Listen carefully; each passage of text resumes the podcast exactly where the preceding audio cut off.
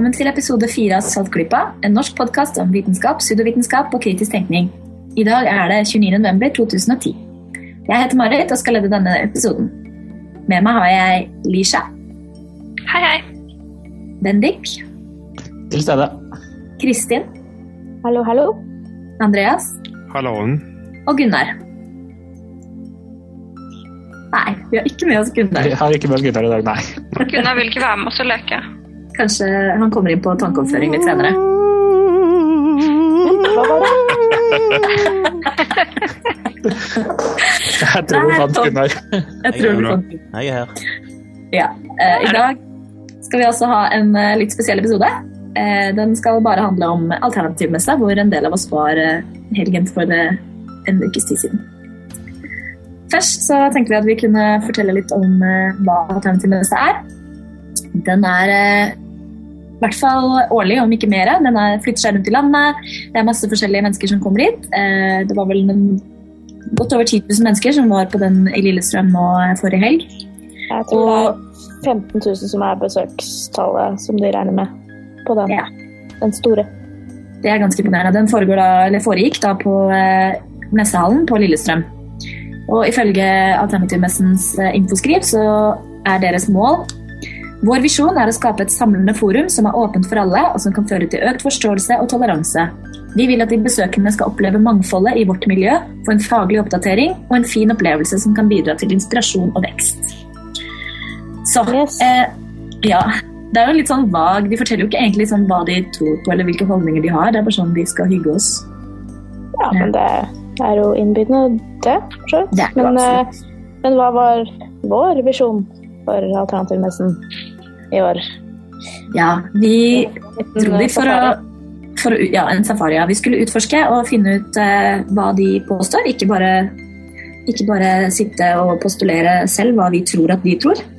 Men eh, gå ut og snakke med folk og, og høre hva de tror på, og hvordan de forklarer det de, det de tror. Men Det var jeg, spennende. Jeg var ikke der, men, men, eh, men gikk dere dit med et virkelig åpent sinn om at her kunne dere lære noe nytt og finne noe? Ja, altså Man ser jo på boden, og så er det kanskje noen ting som man lurer litt mer på enn andre. For så var det en bod som solgte noe som het Angelic Essences. Hvor man kunne få kjøpt engleenergi på sånne små parfymeflakonger. Mm. Med, det var en sånn liten dråpe, dråpedrypper. Um, og så spurte vi da Gosh, liksom, hvordan har du fått engleenergien ned på flaske? Hvordan har du fått engleenergien til å blande seg med vann? Og så fått det på flaske?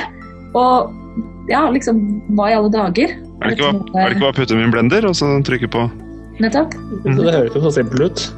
Selgeren visste ikke noe om det. Hun bare sa liksom at man oppnådde kontakt med de, og så klarte man å overføre energien deres. Det syns jeg høres ganske fantastisk ut, da. Er ikke dette her uh, engleplageri? Jo, det må jo være det. Det er jo energivampyrisme. Altså Her driver de englene og aner fred og ingen fare, og så kommer det en uh, vilter person og skal skvise vann ut av dem? Støvsuge energien deres. Høres ikke veldig behagelig ut. Hvor mange var dere som uh, dro dit, som var litt mer uh, skeptiske enn uh, resten av Vi var Det vel ca. 20 stykker. Ja, rundt 20? Yes. Ja. Visste disse, visste disse alternativfolka at uh, det var uh, skepsis på vei? Eh, Ja, de vi var ikke helt sikre ja, vi, vi var ikke helt sikre i førsten, men uh, det var noen som påsto det, da. I ettertid. Det var Historien som sies, er jo at mens vi satt på et foredrag der, vi måtte jo gå på foredragene og høre hva de sa, så gikk det faktisk en announcement over høyttalerne om at nå hadde skeptikerne ankommet. Yes. Jeg kan egentlig ikke skjønne det. Det er liksom helt uforståelig at det skulle være nødvendig å advare folk om at det kommer noen som ikke tror på alt det de tror på. Jeg er direkte smigret, jeg. Ja, det var jo masse folk som kom på kritisk masse som hva skal man si, hadde en litt annen innstilling enn eh, de, de vante. Altså de som pleier å komme på skeptikertreff. så det er vi jo kjempeglad for. Ja. Eh, og det Det var var- ikke noe nødvendig å advare noen om det, for å si det sånn. Dere var litt celebrities, rett og slett, der ute? Kanskje litt. Kanskje? Ja, altså, meningen var vel eh, Altså, den, den lille utflukten vi hadde, var vel med å, å prøve å komme med litt spørsmål og bli litt kjent med hva, hva det egentlig er vi er veldig interessert i å diskutere og snakke om. Eh, sette oss inn i programmet, sette oss inn i hva vi kan gå på. Det var jo en del ting vi synes kan, kunne vært spennende å utforske, så det var jo det vi, gjorde også. Det er jo en del ting som hadde vært masse ting faktisk som hadde vært kjempegøy hvis eh, det hadde vært sant, eller om det hadde funket, eller eh, sånne ting. Men, men eh, vi bare har ikke sett nok bevis for det. Så da holder vi tilbake vår tro inntil eh, vi har nok bevis. Men det kunne hende at det var noen der som hadde noe veldig overbevisende greier. Men jeg føler at det blir litt sånn enten så tror du på det, eller så tror du ikke på det. Jeg tenker jo at det er jo så mye se eh, ting på en alternativmesse som motsier hverandre. Du kan ikke tro både på det ene og det andre, for de er totalt motstridende. Så på en måte så må jo alle som er der, være på en måte skeptiske til en del. Så det er bare varierende grad av skepsis, egentlig. Ja, jeg er egentlig veldig overrasket over at det ikke var noen boder som rett og slett bare røk sammen i slåsskamp. For det må jo være, det må jo være veldig lett å finne ganske motsatte meninger. Ja, det, ja, men det var ikke den oppfatningen jeg fikk av dem. Det virker mer som at de, selv om de eh, ikke var direkte enige i det, medisinske de holdt på med, som du sier at det er motstridende tanker der, så ser det ut som at de har slått det sammen med det gamle ordtaket at eh, min fiendes fiende er min venn, og at eh, hvis de bare står seg sammen for å slåss mot allmennmedisinen, så er de sterkere enn hvis de skal gå i tottene på hverandre. Ja, og det de også har til felles, er at de ønsker å tro. Det syns jeg er noe som har eh, mange av disse folk har til felles at man ønsker at det skal være noe mer. Det har jeg fått høre mange ganger at syns du ikke livet blir bare trist og fattigslig liksom, når du ikke tror at det er noe mer der ute? Og de vil gjerne at det skal finnes noe, at, at dette skal være mulig, og at det skal være noe mer der ute. Det syns jeg er noe, et fellestrekk blant mange sånne Det ironiske er jo at det er så ufattelig mye mer der ute som de ikke vet om. Ja. fordi De ikke gidder å finne ut av det. Jeg eh, kjenner meg veldig godt igjen i den følelsen. Jeg var, uh, Det har regner jeg alternativen- jeg har vært på alternativmessen en gang før. For ti år, nøyaktig ti år siden, tror jeg. Og det var da selvfølgelig ikke som, som skeptiker. Men uh, så vidt jeg husker, så gikk jeg stort sett rundt og kjøpte et par veldig fine, pene steiner. For jeg er også litt sånn steinnerd, så jeg syns det er veldig fint med sånne grønne steiner. og sånn. Det, var, så- Ja. det var liksom ikke så veldig alternativt. Men, men. eh, Det var jo ikke bare medisinske ting der. Det, du, du, du hadde til og med dyrevernorganisasjoner, og det var uh, Det var veldig mye massasje. massasje. Det er jo veldig ålreit. Veldig ålreit. Men hva, for, for en som ikke var der, hva, hva kan dere trekke frem som eh, Ja, er det lov til å kalle det høydepunkter? Jeg tror nok engleessensen var toppen for meg, altså. ja. Men uh, vi begynte jo med å gå på et foredrag, eh, hvis man kan kalle det det. Det var vel mer en slags session av noe slag. Seanse kaller vi det. Ja, vi kaller det en, en, en seanse. Eh, og det var en dame ved navn, eh, hvis jeg husker riktig nå, Barbara Witt. Stemmer det? Yep. Eh, og dit dro vi fordi eh, vi som er veldig interessert i vitenskap, eh, da fikk en utrolig god sjanse til å faktisk snakke med selveste Albert Einstein. Uhu, nå kjenner jeg ble misunnelig her. Ja, Det var en spesiell opplevelse. Mm. Eh, Det var en veldig spennende, spesiell opplevelse. Jeg kan ikke si at jeg husker så veldig mye av detaljene, så dere to andre kan kanskje si litt mer om det. Ja, altså Hun begynte jo med å snakke litt om mellommenneskelige forhold, og at man ikke måtte Hun, hun sa f.eks. at hvis du ofte finner deg eh, irritert over folk som stadig kommer for sent, så må du ta det opp med deg selv og prøve å bli mindre irritert, fordi det er ikke en konflikt mellom deg og den personen, det er en konflikt med deg selv. For Var det eksempel. Einstein eller hun som sa det? Ja, hun, hun, hun ønsket oss velkommen, og så satte hun seg ned. Så sa hun da begynner vi, og så lukket hun øynene og så begynte hun å snakke. Det tok faktisk ganske lang tid før jeg skjønte at hun var Einstein da. Det var, det var litt spesielt. Han, han var veldig opptatt av mellommenneskelige forhold da. Um, og, og menneskelige dimensjoner. Visstnok ifølge Einstein så er det tre menneskelige dimensjoner, og den første er emotion. De to andre kom han ikke til i løpet av foredraget. Han gjorde ikke det, da. nei. Han gjorde ikke det. Ja. Altså, jeg, jeg merker at jeg, jeg tror jeg, jeg har litt mye fordommer eh, mot sånne eh, type seanser som dette her. For jeg hadde egentlig forventa meg Jeg er kanskje dum, men jeg hadde egentlig forventa meg litt mer action, jeg. Det skulle være litt sånn, eh, litt sånn spasmer, litt, kanskje litt rulling med øynene, litt forandring av aksent og stemme og sånn, men det Jeg syns hun, syns hun, eh, jeg syns hun fortysket aksenten sin litt akkurat da hun begynte, og så sluttet hun igjen. Sikker på at det ikke var en liten forventning generelt? Kanskje det, du. Kanskje det. Jeg ikke husker at det var noe særlig ja. Det var jo et annet foredrag vi var på som var ganske gøy. Uh, Uri Geller-foredraget.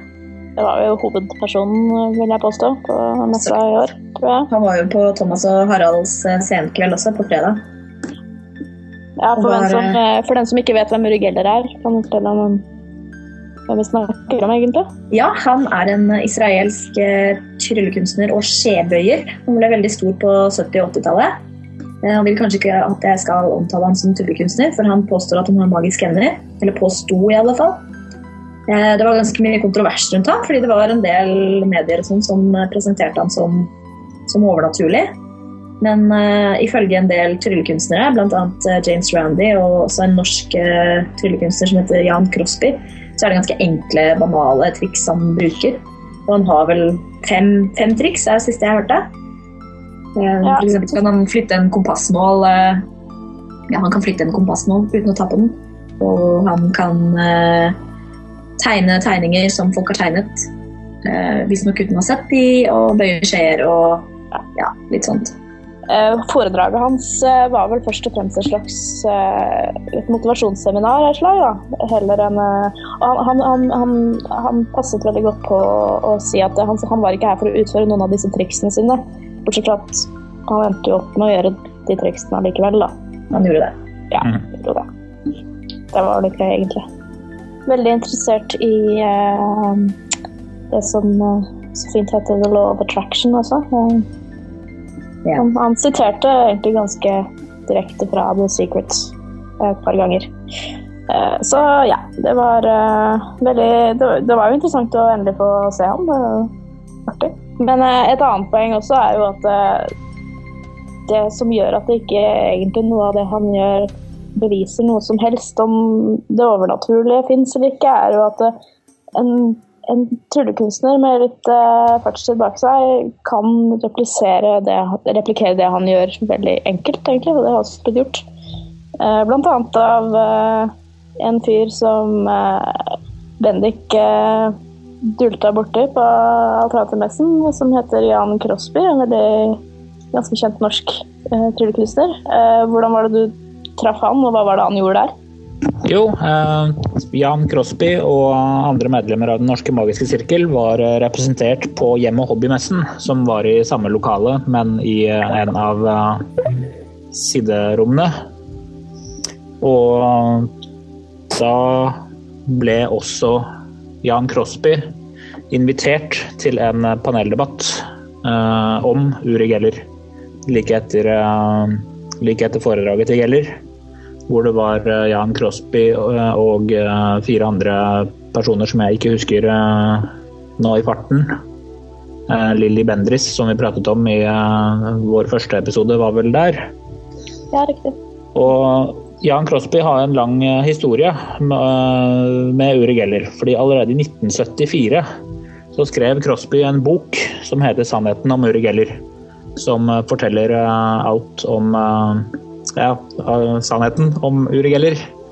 Og prøver å vise at alt hva Geller gjør, er humbug og umagisk. Eller enkle, magi vanlige magiske trikk og, triks, og ikke noen spesielle overnaturlige evner. Crosby sa at uh, han aldri faktisk hadde møtt Geller før. Så de fikk gleden av å møtes eh, først nå. Kom visstnok uh, godt overens. Eh, så det var det jeg fikk prate med, med Crosby om eh, noen dager eh, senere. Så da vil jeg bare få sagt, for å få med den introduksjonen, at under intervjuet her, når Jan Crosby prater om uh, boken sin, så prater han om uh, sannheten om Uri Geller, som kom ut i 1974. Og eh, når han prater om eh, debatten, så var det, prater han om eh, paneldebatten han var på om Uri like etterpå også på den messen. Da kan vi jo kjøre det intervjuet, da. Spennende. Da kan vi bare snurre lyd. Ok.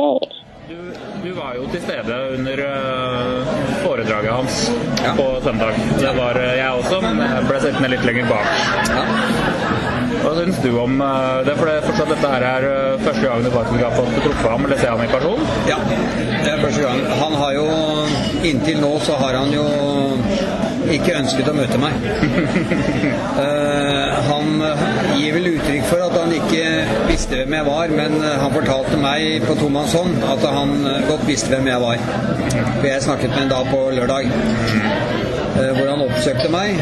Men eh, jeg har jo ikke hatt noen intensjoner om å drive noe vendetta, verken den gangen som jeg skrev denne boken, eh, eller som han da var i Norge, eller heller ikke nå. Det er ikke ønskelig. Jeg har jo Årsaken til at jeg eh, følte at nå måtte noen sette foten ned for eh, hans fremferd, det var mine observasjoner av det han gjorde. Og det han, ikke bare det han gjorde, for det er greit nok, men det han sa. Det er det som var eh, eh, det jeg var veldig skeptisk til. Hvordan han påvirket eh, svake sjeler. Og fikk da mennesker til kanskje å både tro og gjøre ting som de normalt sett ikke ville gjøre. Hvis de ikke var så ja, hva kaller gjerne naiv. Uh, og uh, uh, ja, altså de rett og slett trodde på det han eh, la frem av såkalte fakta. Ingenting av det som han har hevdet, er blitt dokumentert. Det, uansett hva de sier, så er det ikke dokumentert. Det har dokumentert, eller De hevder at de har en dokumentasjon gjennom noen forskningsrapporter. Men da skal man også være klar over at de testene som han har latt seg eh, utføre på, det er eh, tester som er gjort på bl.a. Stanford Research Institute. Og det kanskje ikke alle er klar over, det er at det er forskjell på institutt og et universitet. Et universitet drives av staten. Et institutt er, drives privat, i privat regi, og der kjøper man sine tjenester. Og de er eh, kjøpers eiendom, helt inntil de ønsker selv å frigjøre rapportene. Og det var det som skjedde med Uri Geller. De testene som han da eh, var igjennom, de ble da skrevet i en rapport, men øh, de var da ikke av en slik øh, art at de ønsket at de skulle komme ut før øh, lenge etter han hadde reist fra stedet. Uh, og det er uh, sånne ting som jeg da hang meg opp i, og ikke minst dette med alle de uh, sjelene som da eh, ble troende, for å si det på den måten. Det vi på fagspråket kaller for shut eyes. Én ting er at eh, dette med å bøye skjeer altså, Det er klart, jeg ble jo spurt av media om å så fotfølge han de dagene som han var eh, her i Oslo. Dessverre så var jeg på turné, så jeg fikk ikke eh, anledning til det. Men eh, jeg hadde jo med en eh, liten reise-TV som jeg hadde kjøpt i Tyskland. Det var jo ikke vanlig å ha reise-TV med seg den gangen, men jeg hadde det, og da eh, sto jeg og så på dette her bak scenen. Og jeg må jo si at jeg forundret meg jo litt over at en kar som da så seg i stand til å bøye skjeer og nøkler at han plutselig, 28 år, skulle dukke opp på arenaen uten at noen hadde visst om ham før. Det forundret meg veldig. Han hevdet jo selvfølgelig at han eh, var kjent i Israel. Eh, vel, ja, han ble jo litt kjent da, som eh, han da viste på dette foredraget sitt, eh, eller eh, dette showet sitt på søndag, at han var jo da en sånn modell som ble brukt da veldig mye. Eh, han var eh, noe som han ikke innrømmer, men det var Han jobbet jo som tryllekunstner, en middelmådig tryllekunstner, på et eh, diskotek i Tel Aviv. På diskotek, Ja, Fra 1970, eller 1960 til 70 jobbet han der. I 1971 så fikk han besøk på dette med stedet hvor han jobbet, av en eh, parapsykolog som het Andrea Poaric. Og eh, i løpet av noen få minutter så klarte Uri Geller å overbevise, overbevise den godtroende mannen om at han var i besittelse av krefter hentet fra kosmos. Fra Kosmos, ja. Det er jo ganske typisk, det. Ja, og det er jo det som er eh, det veldig spesielle da, eh, i den tiden som han jobbet eh, med disse tingene. For det første så var han jo, som jeg sier, en middelmådig tryllekunstner. Han hadde kjørt Han klarte å skaffe store overskrifter i lokalavisene der nede ved at han kjørte bil med bind for øynene. Og som jeg da fortalte under denne debatten eh, på søndag, så øh, fem år før jeg ante hvem Uri Geller var, seks, seks år tror jeg det var, før jeg ante hvem det var, så satte jeg verdensrekord i blindkjøring. Og ikke bare med bil, bind for øynene, men hette over hodet i tillegg. Så, øh, så akkurat Vel, nå fikk jo jeg også store overskrifter, da. Det gikk jo rundt i hele verden. Så, men det er jo en annen sak. Men uh, forskjellen er at du vel ikke vil påstå at det er noen krefter fra Kosmos uh, som eh, guider deg på riktig vei? Nei da, det, det kan jeg love deg. Det, det var det så visst ikke. Jeg har jo flere eksempler på hvor lett det er også å overbevise folk om at du er i besittelse av spesielle krefter. Jeg var annet på turné i Tyskland og Sveits som artist. Og eh, lå da og Vi lå en måned i Zürich og spilte på et teater der. Uh, og da, når man spiller lenge altså jeg spiller, jeg spiller ikke instrument, men altså det var et trylleshow. Det var uh, faktisk verdens største trylleshow. Uh, og den Når vi da spiller på lengre, over lengre tid, så hender det ofte at man får et engasjement, en, det vi kaller en gallas. Og en dag så fikk jeg besøk av eh, to personer i garderoben som lurte på om jeg kunne komme og underholde på lørdag formiddag. Eh, Jeg, jeg tror det var lørdag, hvis jeg ikke tar helt feil, så kan det ha vært søndag, men jeg blander, for det er mange år siden. Eh, Og spørsmål da om jeg kunne underholde der. Og det på formiddagen, det passet meg greit, for jeg hadde ikke noe annet å gjøre likevel, for jeg skulle ikke jobbe før på kvelden i showet. Og, men så spurte jeg da For da, eh, de sa da at det var en konferanse. Så spurte jeg hva slags eh, type konferanse er det, for det kan jo være greit, for kanskje jeg kan lage en liten eh, gags med det firmaet, eller hva det måtte være for noe. Så sier de det at det var en internasjonal parapsykologisk kongress. Det er spennende. Ah, det, det, det var skummelt! Og det var ikke noe lokal eh, kongress, for det var samlet ekspertise, parapsykologer fra hele verden, fra USA, fra Japan, Australia, til og med en medisinmann fra Afrika var der. I tillegg til at det var flere eh, representanter da fra Sveits. Og da tenkte jeg ok, eh, når jeg nå først skal inn i Løvens hule, så får jeg gjøre noe som får de til å stusse litt. Så jeg gjorde en del effekter. Eh, ikke det samme som jeg gjorde på, på, på det showet eller den debatten på, på søndag, men eh, jeg gjorde andre ting. Og det var jo tydelig at eh, det ble satt litt pris på nå.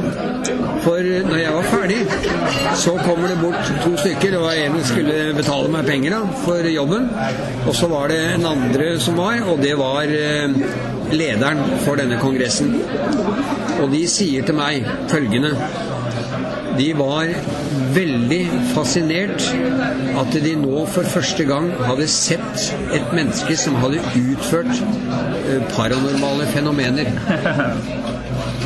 Så sier jeg Vel, vel, så det var vel kanskje å gå litt langt. Nei, hva mener du med det, liksom? Nei, så det, det jeg viste, det hadde jo ikke, ingenting med paranormale fenomener å gjøre. Dette var jo trylling, men gjort på en litt annen måte. Å nei. Nei, nei. Dette var paranormalt. Nei, det var ikke det. Jeg beklager å måtte skuffe dere. For de emnene, de har jeg ikke, se. Da kan vi fortelle deg, herr Crosby, at da må du være i besittelse av disse emnene uten å vite om det selv. Å lage trylling på TV, det er veldig vanskelig. Eh, Det er eh, slik at TV er nemlig ikke så lett å avlede. Eh, På en scene så kan du avlede oppmerksomheten med det vi kaller misdirection. Men det kan du ikke gjøre på en TV, for der har du en liten ramme, og der er du festa. Og da, hvis du øh, følger med da, så ser du egentlig hva som foregår. Men på den annen side så ser du jo bare det som foregår i den rammen. Da. Så hvis du klarer å avlede kameramannen, så har du gjort eh, hele jobben. Og det har nemlig skjedd tidligere. Det, det, altså, det var ikke en kameramann som ble avledet, men han øh, automat, eller, ja, det var automatisk han uhildet, så kom han til og så, øh, se et annet sted, fordi han hadde kamera stående på, og da var han da var det i orden fra han. Kameraet sto øh, fokusert på Uri Geller. Så kom øh, kameramannen til å bare titte rundt seg. Øh, ikke for noe spesielt, det var bare han så ikke noe grunn til å følge med i øh, monitoren, fordi at kameraet var jo stilt inn på Uri Geller. Og da så han at det var da noen hjelpere som sto og bøyde nøkler og skjeer, og så fikk de da på en diskré måte lagt dette på et brett, og dette gikk da inn til Uri Geller. Men i det TV-showet så skulle Uri Geller bøye en femtoms spiker. Og det var jo et nytt eh, moment for han. Det hadde han aldri gjort før. Da forlangte han å få en monitor satt opp foran seg, så han kunne følge med hele veien hva som skjedde. Og det som da hadde skjedd, det var at han hadde da fått bøyd denne eh, i forkant, denne femtomspikeren. Så ble den da holdt eh, vannrett stilling med denne bøyen, denne buen, den var da vendt innover mot ansiktet hans. Så mellom to fingre så vippet da denne sakte nedover, slik at den ble hengende som en hengekøye mellom to fingre. Og det var jo helt umulig å kunne si at han hadde bøyd den med to løse to pekefingre. Det var ikke mulig. Så det var måten han taklet det, den situasjonen der på. Det er jo da noe som vi kunne ha sett hvis vi hadde sett deg med to øyne. For da, kan- for da kan vi se en innoverbøyd eh, sak, men fordi dette var på TV, så er det bare ett øye. Det var derfor han øh, forlangte å få denne monitor, slik at han kunne følge med hele tiden. Så, og så skal vi også være klar over en ting, at på TV så er det aldri en eneste skje som bøyer seg. Det er brekkeren hver gang.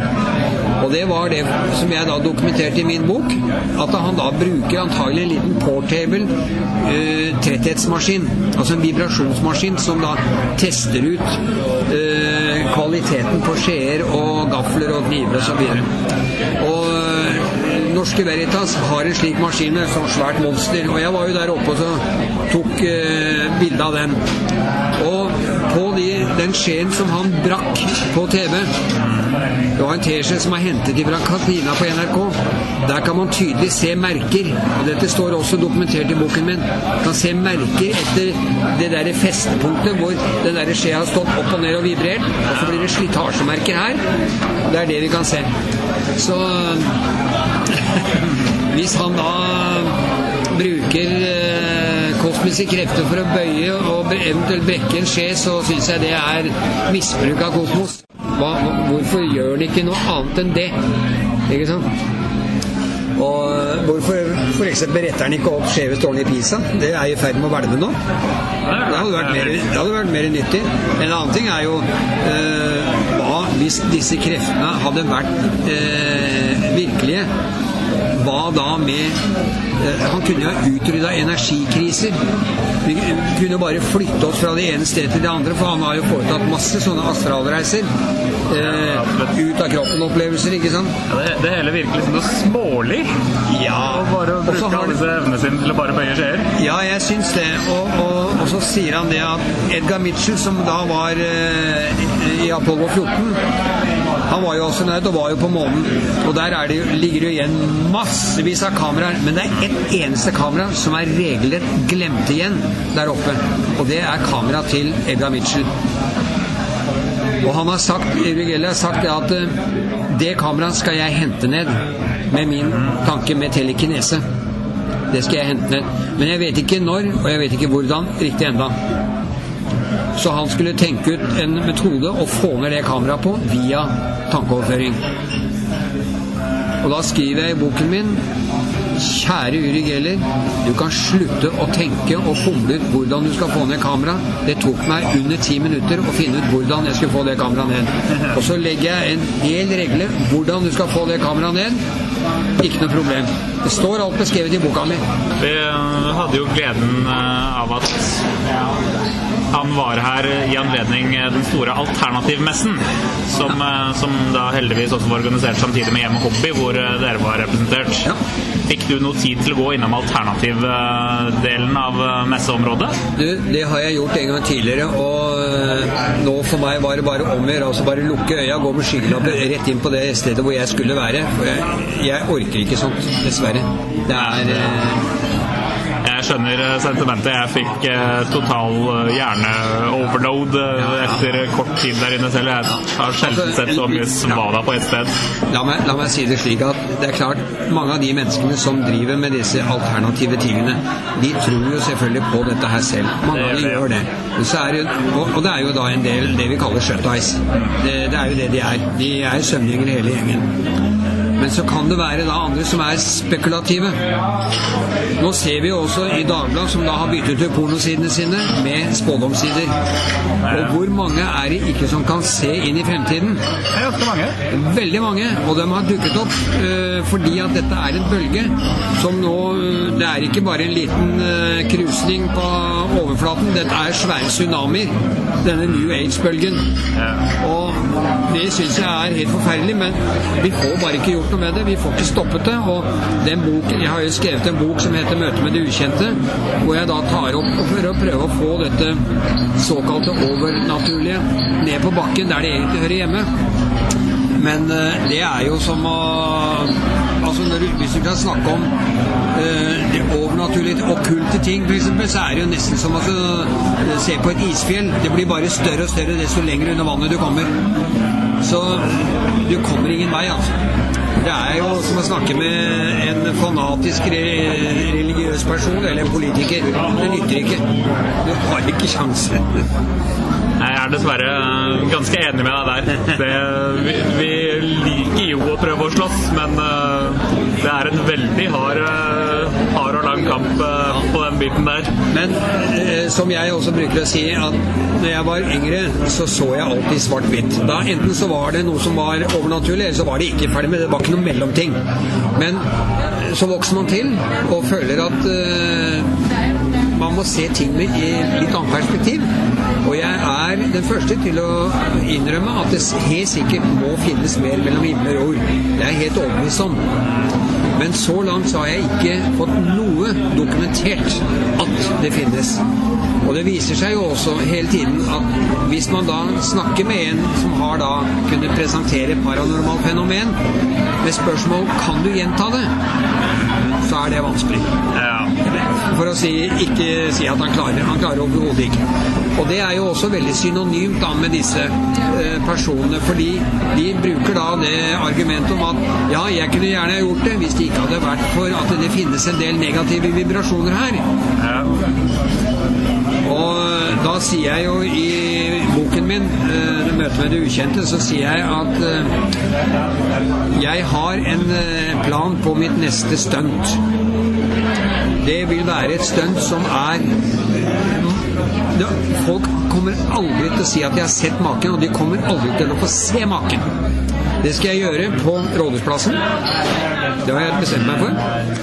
Og jeg kommer til å gjøre det eh, Sette på en dato når jeg skal gjøre det. Og det er altså noe som hele verdenspressen kommer til å stå på hodet for å få tak i dette uh, stuntet som jeg skal gjøre. Garantert. Jeg gleder meg allerede. Ja, det kan jeg godt tenke meg. Og folk må gjerne komme ned og se på. De vil komme til å få seg en opplevelse som de aldri noensinne har sett. Det eneste betingelsen jeg stiller, det er at det ikke må være noen som har negative tanker om det jeg skal gjøre. For hvis ikke, så klarer jeg ikke å få det til. Ja, det kan jo være en, eh, et vanskelig kriterium å stille. Ja. Så hvis, hvis jeg ikke klarer det, så er det ikke min feil. Da er det de som, en eller annen deres blant publikum som har negative vibrasjoner som man sender ut til meg. Det er jo satt litt på spissen, dette her. Men altså, det er jo et synonym. Eh, Det er jo egentlig sånn det virker, altså. Og da kan jo hvem som helst påstå å gjøre de uendeligste ting. Ja. De merkverdigste ting. Hvis han kan få det på sine kriterier. Og det er jo også det som er veldig typisk for de som da skal gjøre disse eksperimentene, eller eh, hva det nå måtte være for noe, så, så stiller de altså en del kriterier for at de skal kunne gjøre det. Og får de ikke til det, så, så får de heller ikke til noen ting. Hvis de ikke får det sånn som de vil. Og, Er enig, jeg har hørt eh, en del, en del referater fra James Randy sin Million Dollar Challenge for eh, sånne ting som dette her. Og der eh, sørger de jo for å være veldig rigorøse i forkant, at de setter kravene og alt sånt. Men alltid i etterkant så klarer de også å finne en eller annen unnskyldning. Det var noen som sneker noen negative vibrasjoner, eller eh, det var overskyet, eller eh, ja. Og det, det syns jeg er veldig trist, fordi det, det Og ikke minst dette som da Uri Geller i sin tid gjorde, da, hvor han da trekker inn vitenskapsmenn, teologer. Og når du gjør det, så har du allerede der kommet ut på dypt vann. Altså. Men det er jo mange ting jeg kunne si om Uri Geller i negativ retning, men jeg vil heller nå slå den andre veien, fordi nå fikk jeg jo anledning til for første gang å prate med Uri Geller. Det var jo han som oppsøkte meg. Og eh, jeg må si at eh, han la igjen et veldig positivt inntrykk hos meg. Jeg skjønte jo helt i starten, når han eh, nærmest over, overrumplet meg, eh, så var han jo usedvanlig blid og imøtekommende og eh, positiv. Og jeg tolket jo det som, i og med at jeg kanskje var sett på som hans, en av hans eh, verste fiender, så er det klart, han visste jo at jeg skulle i denne debatten dagen, eller litt sen, eller dagen etterpå. Og eh, det var jo kanskje en måte å myke opp meg litt, selvfølgelig. Såpass skjønte jeg jo. Men i tillegg til det så så jeg jo, og jeg følte mye av ærligheten i det han sa til meg. Og han dro meg jo vekk fra alle de som skulle ta bilder da, eh, av oss, han og oss, da når han besøkte vår stand borte på denne hjemme Hobbisen. Så drar han meg plutselig vekk. 'Kom her, Jan', sa han. 'Kom, kom, kom her. kom her. Jeg vil gjerne snakke med deg'.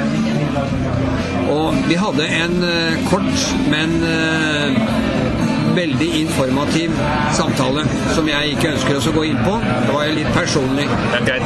Og eh, eh, det jeg sier til han, annet, det var at jeg så ditt show i går, på fredag, senfredag, og jeg likte det jeg så, sa jeg, fordi nå oppførte du deg på en helt annen måte enn det du gjorde for 37 år siden. Ja. han sa det, den, det jeg gjorde den gangen, det er way back. Det er way back. Det, det er et tilbakelagt stadie. Nå lager jeg show, sa han. Nå reiser rundt med et show. Et motivasjonsshow. Det er det jeg gjør nå, sa han. Og alt det andre som da kommer inni der, det er bare en liten biting. Men det er motivasjon. Det er den jeg ønsker å fremheve. Og det gjorde han jo i aller høyeste grad, syns jeg. Og ville da samtidig, det var jo litt, litt, litt, eh, litt koselig, litt hyggelig syns jeg, han eh, ville ta et bilde av oss med sitt mobilkamera. Og det bildet det la han ut på internett, så det ligger nå ute til beskuelse av over, som han sa, over 20 millioner mennesker. Så eh, hvor han da skriver at han hadde truffet meg, da. Og det, det syns jeg var hyggelig. Og så sjekket jeg når jeg kom inn, bare for moro skyld, på hjemmesiden hans. Jo da, der lå bilder av han og meg.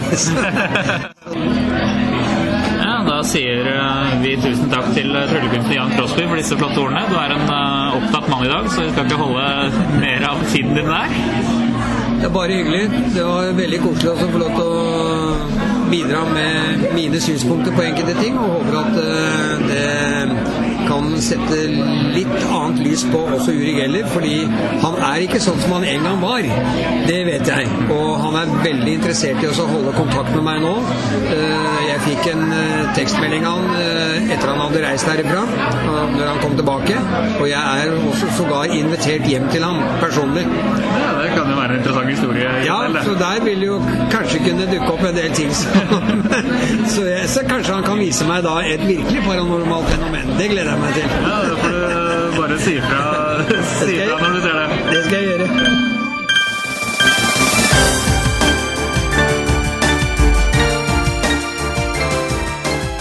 Saltklypa er en norsk podkast som tar for seg vitenskap og studievitenskap i samfunnet med et kritisk blikk. Podkasten produseres og drives på frivillig basis av seks personer, helt uavhengig av noen organisasjon. Vi vil gjerne høre fra deg. Hvis du har spørsmål eller kommentarer til dette eller andre avsnitt, kan du sende oss en mail, legge igjen en talebeskjed på Skype, eller skrive en kommentar på vår nettside. Informasjon om dette, samt linker og notater til det vi har snakket om, finner du på saltklypa.no. Denne podkasten er produsert med bøyde skjeer, englesens og Albert Einsteins velsignelse.